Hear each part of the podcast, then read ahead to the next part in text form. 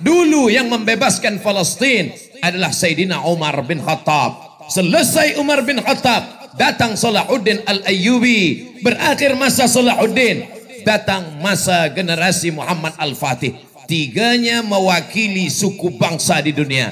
Umar bin Khattab, Arab Quraisy. Salahuddin Al-Ayyubi, suku Kurdi. Muhammad Al-Fatih, suku Turki. Arab Quraisy sudah, Kurdi sudah, Turki sudah, Melayu akan datang. Jangan lupa.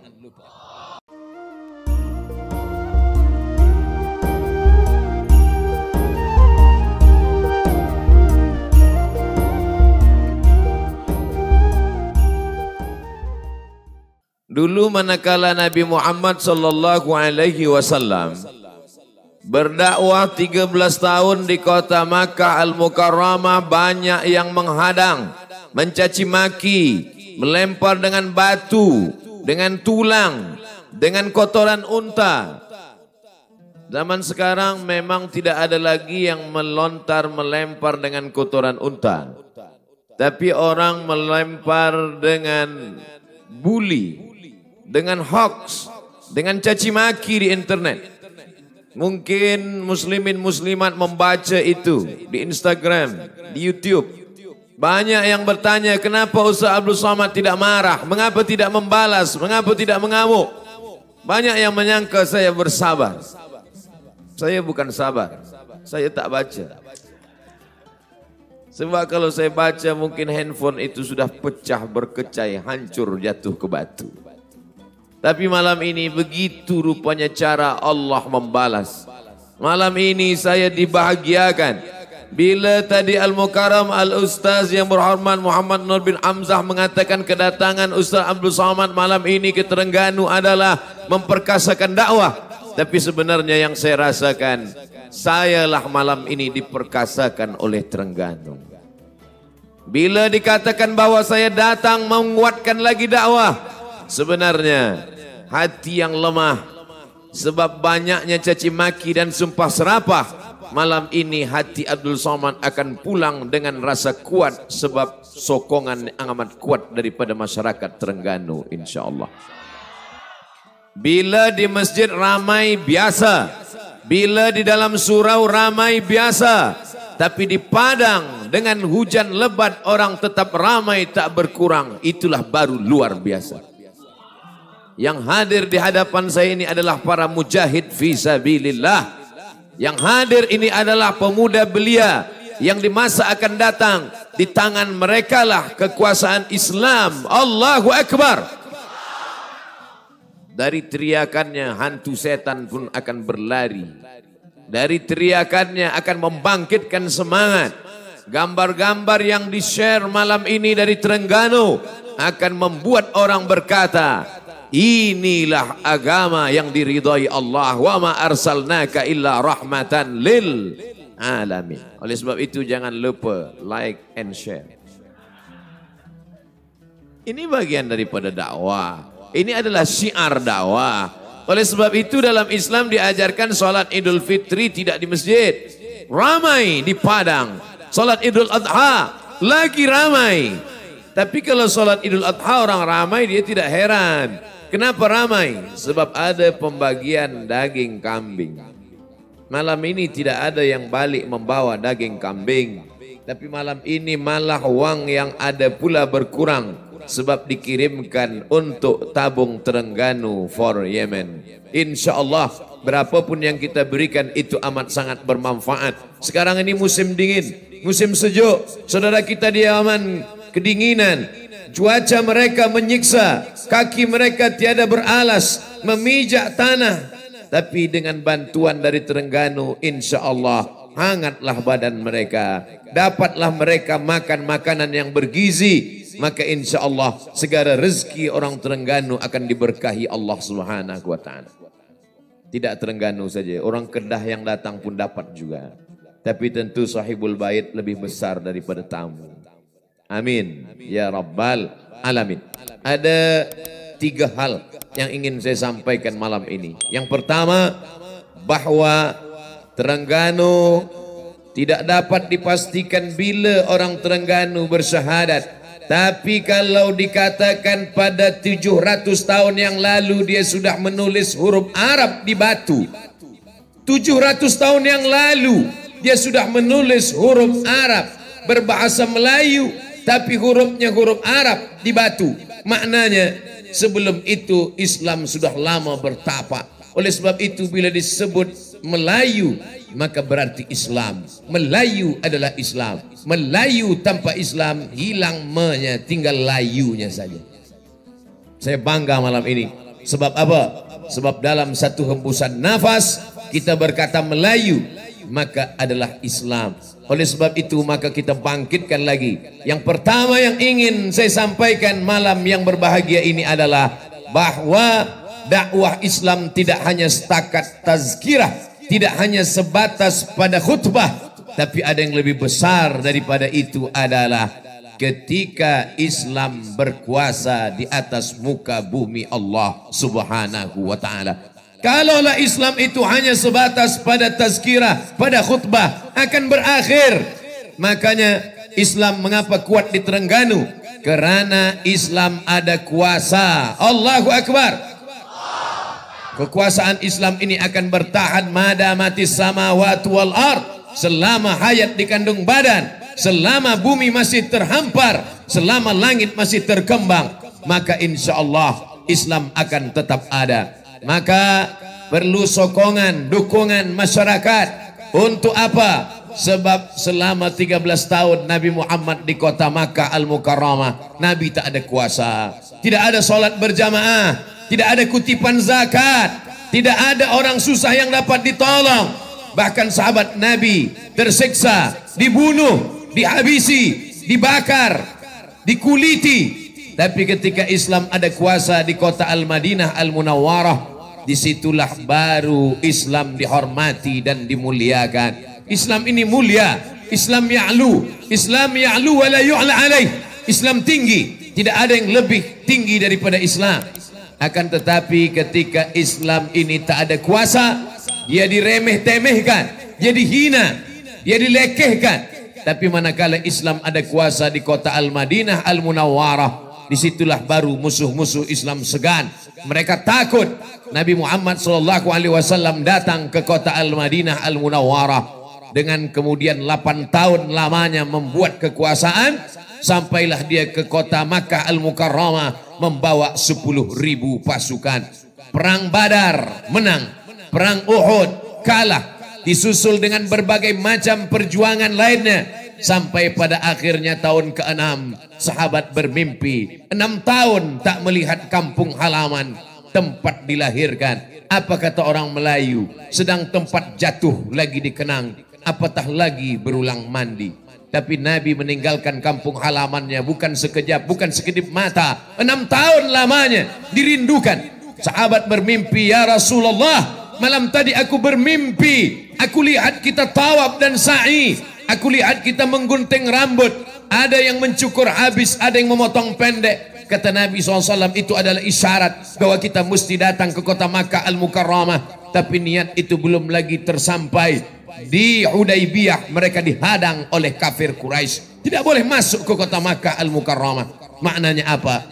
Kekuasaan kalau tidak sempurna, maka kita tetap akan dihina, kita tetap akan ditindas sampai akhirnya tahun ke-8 di bawah panglima perang bernama Sa'ad bin Ubadah. Nabi membawa 10 ribu pasukan masuk ke kota Makkah Al-Mukarramah. Mana Abu Sufyan yang sombong?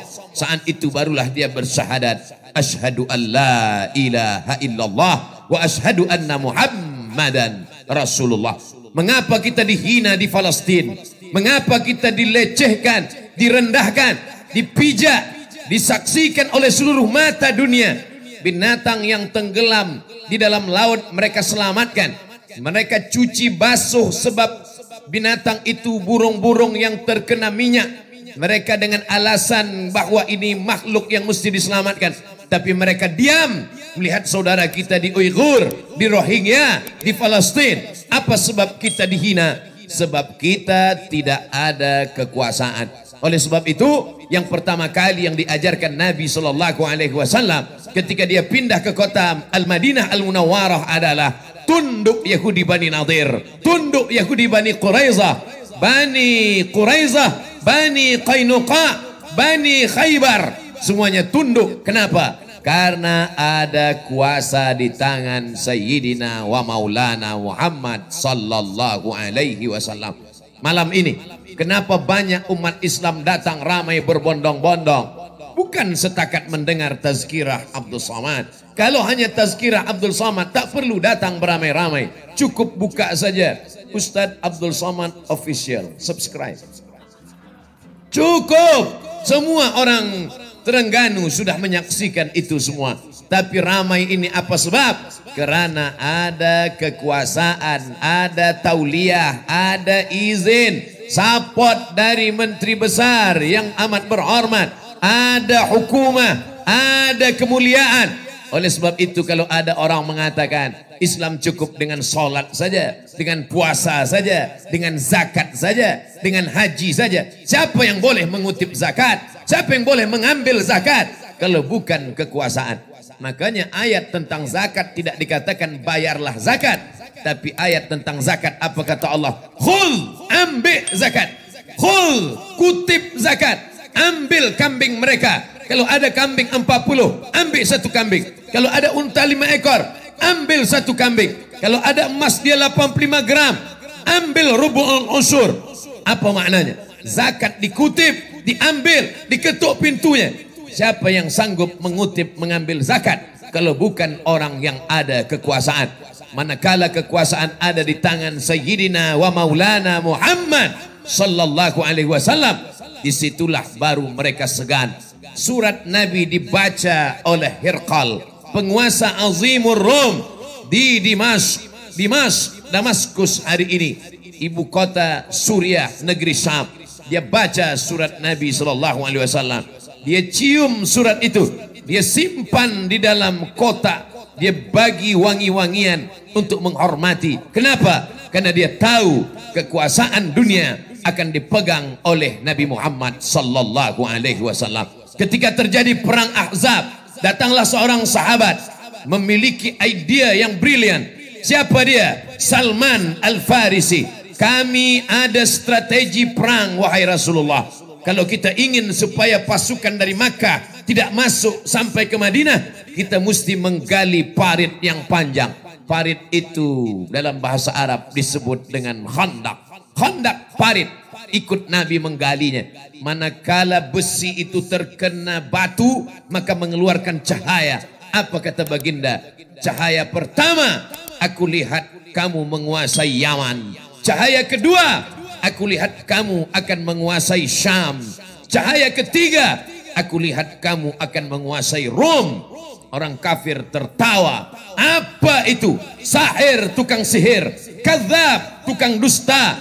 Pembohong. Mana mungkin orang Arab buta huruf yang tak boleh baca tulis akan menguasai Yaman, menguasai Syam, menguasai Rom. Hari ini apa yang dikatakan baginda terbukti nyata. Yaman bersyahadat, Syam bersyahadat, Rom bersyahadat. Rom masa itu adalah Konstantinopel. Dari mulut dia yang tak dapat menulis dan membaca tapi menerima wahyu dari Allah Taala. Apa kata dia? La tufta'annal Konstantiniyah. Kamu akan membebaskan Konstantinopel. Wala ni'mal amiru amiruha. Sebaik-baik panglima perang adalah panglima perang yang masuk ke Konstantinopel. Wala ni'mal jaishu dhalikal jais. Dan sebaik-baik pasukan tentera adalah tentara yang menguasai Konstantinopel. Dia robah negeri itu bernama Istanbul. Apa yang terjadi adalah ucapan dari Nabi Muhammad sallallahu alaihi wasallam. Lagi-lagi kuasa di tangan seorang muslim itu yang akan dapat menolong agama Allah Subhanahu wa taala. Apa kata Al-Imam Asy-Syahid Hasan Al-Banna? Al-Muslim, seorang muslim. La islamahu. Tidak akan sempurna keislamannya. Hatta sampai dia peduli kepada apa? Sia-sian. Ba'idan nazar an su'uni ummatih. Muhtamman biha wa ghuyuran 'alaiha dia tidak akan sempurna Islamnya sampai dia peduli kepada urusan umatnya dan kepedulian kepada urusan umat hanya dapat diselesaikan dengan kekuasaan. Tapi Allah memang sayang pada umat ini. Umat kehilangan kekuasaan, umat kehilangan kesultanan, umat kehilangan khalifah, umat kehilangan. Sekarang umat hanya tinggal membaca Al-Quran, berzikir. Tapi Allah masih kasihan. Aku masih iba melihat kamu, kata Allah. Maka ditolong Allah dengan berbagai macam tentera. Macam-macam tentera Allah datang. Ada pula tentera yang terakhir ini bernama Corona. Orang yang berada di Uyghur tak terkena virus ini. Banyak orang terheran-heran. Apa sebab? Salah satu sebabnya kerana mereka berwudu. Setiap hari mereka membasuh tangan. Virus tidak akan tidak akan terkena kepada orang yang selalu menjaga kesucian. Mereka memakan binatang yang disembelih, yang dimasak, bukan yang mantah, bukan makan darah. Sebab di dalam darah ada bakteria penyakit manakala ajaran Islam diamalkan, pertolongan Allah Subhanahu wa taala datang. Terima kasih. Intan sulullah, kalau kau tolong agama Allah yang surkum, Allah akan menolong kamu. Kalaulah bukan kerana pertolongan Allah, sudah lama Islam ini musnah dari atas muka bumi Allah. Wa makaru, mereka membuat tipu daya. Wa makarallah, Allah balas tipu daya mereka. Wallah khairul makirin. Tipu daya Allah, pembalasan Allah lebih hebat daripada yang mereka lakukan. Oleh sebab itu kita ajarkan anak-anak kita bahwa dalam fikah tidak hanya fikih toharah, tayamum, wudu, membasuh hidung, membasuh muka, istinsyak, matmadah. Tidak hanya kita ajarkan kepada generasi kita akan datang bahwa Islam ini hanya membahas masalah darah, hanya membahas masalah sembelihan. Islam tidak hanya membahas masalah nikah, tapi Islam juga membahas masalah jihad, masalah fiqh daulah, masalah fiqh siasah. Karena dengan itu kita sedang mencetak, membentuk generasi akan datang. Generasi-generasi Salahuddin Al-Ayyubi. Generasi-generasi Muhammad Al-Fatih. Dulu yang membebaskan Palestin adalah Sayyidina Umar bin Khattab. Selesai Umar bin Khattab, datang Salahuddin Al-Ayyubi. Berakhir masa Salahuddin datang masa generasi Muhammad Al-Fatih. Tiganya mewakili suku bangsa di dunia. Umar bin Khattab, Arab Quraisy. Salahuddin Al-Ayyubi, suku Kurdi. Muhammad Al-Fatih, suku Turki. Arab Quraisy sudah. Kurdi sudah. Turki sudah. Melayu akan datang. Jangan lupa. Melayu akan bangkit akan datang sebab kita belum pernah mendapat giliran itu. Kurdi sudah, Quraisy sudah, Arab sudah, Afrika sudah. Bila Afrika diberikan Allah, manakala hijrah yang pertama bukan ke kota Al-Madinah Al-Munawwarah. Hijrah pertama ke Afrika. Negeri itu bernama Abyssinia. Abyssinia adalah Ethiopia. Ethiopia dulu adalah negeri yang pernah berkuasa di antara sebab Nabi salat gaib ketika Najasyi penguasa Ethiopia meninggal dunia. Nabi kumpulkan sahabat, Nabi salat. Jenazahnya tak ada. Sebab jenazah tak ada itulah maka disebut dengan salat gaib. Kenapa? Karena Nabi mendoakan Najasyi. Apa jasa Najasyi terhadap perjuangan Islam? Kerana Najasyi memberikan perlindungan kepada rombongan Ja'far bin Abi Talib, saudara kandung dari Ali bin Abi Talib yang hijrah mendapatkan perlindungan oleh Najasyi. Afrika sudah pernah, Quraisy sudah pernah, negeri Sam sudah pernah, tapi negeri Melayu insya Allah bangkitkan semangat itu. Begitu yang diajarkan oleh ayahanda dari Muhammad Al-Fatih. Saat dia memandikan anaknya, apa yang dia katakan? Wahai anakku, di seberangmu ada kekuasaan yang besar. Aku ingin nanti sampai masanya engkau remaja, engkau dewasa, engkau akan merebutnya, engkau akan bersyahadat di sana. Semangat yang diberikan oleh seorang ayah itulah yang dikenang sepanjang zaman oleh seorang anak. Hari ini seorang ayah hanya menasihatkan anaknya, yang penting engkau bekerja, nanti engkau akan makan, engkau punya kereta, engkau punya rumah besar, setelah itu engkau menikah, selepas itu engkau akan mati. Kalaulah hanya itu cita-cita seorang ayah, apa beza kita dengan haiwan yang hanya hidup selepas hidup tidak ada misi dalam hidupnya, tak ada cita-cita tertinggi. Cita-cita tertinggi orang Islam adalah asyahadah asma amanina menjadi syahid adalah mimpi terbesar. Menangis seorang sahabat bernama Khalid ibnul Walid. Mengapa dia menangis? Karena setiap jengkal badannya ada bekas tusukan tombak, ada luka pedang, ada luka anak panah. Tapi dia menangis di atas tempat tidur mati sebagai seorang tua. Bukan sebagai seorang syahid. Walaupun pahala syahid sudah dia dapatkan. Berkali-kali dia ikut berperang bersama Rasulullah sallallahu alaihi wasallam. Syahid kita sekarang adalah syahid menuntut ilmu. Man kharaja fi talabil ilmi. Siapa yang keluar rumah menuntut ilmu, fahuwa fi sabilillah. Maka dia termasuk orang yang berjihad fi sabilillah hatta yarji'a. Yang pertama, maka hendaklah orang Islam punya kekuasaan.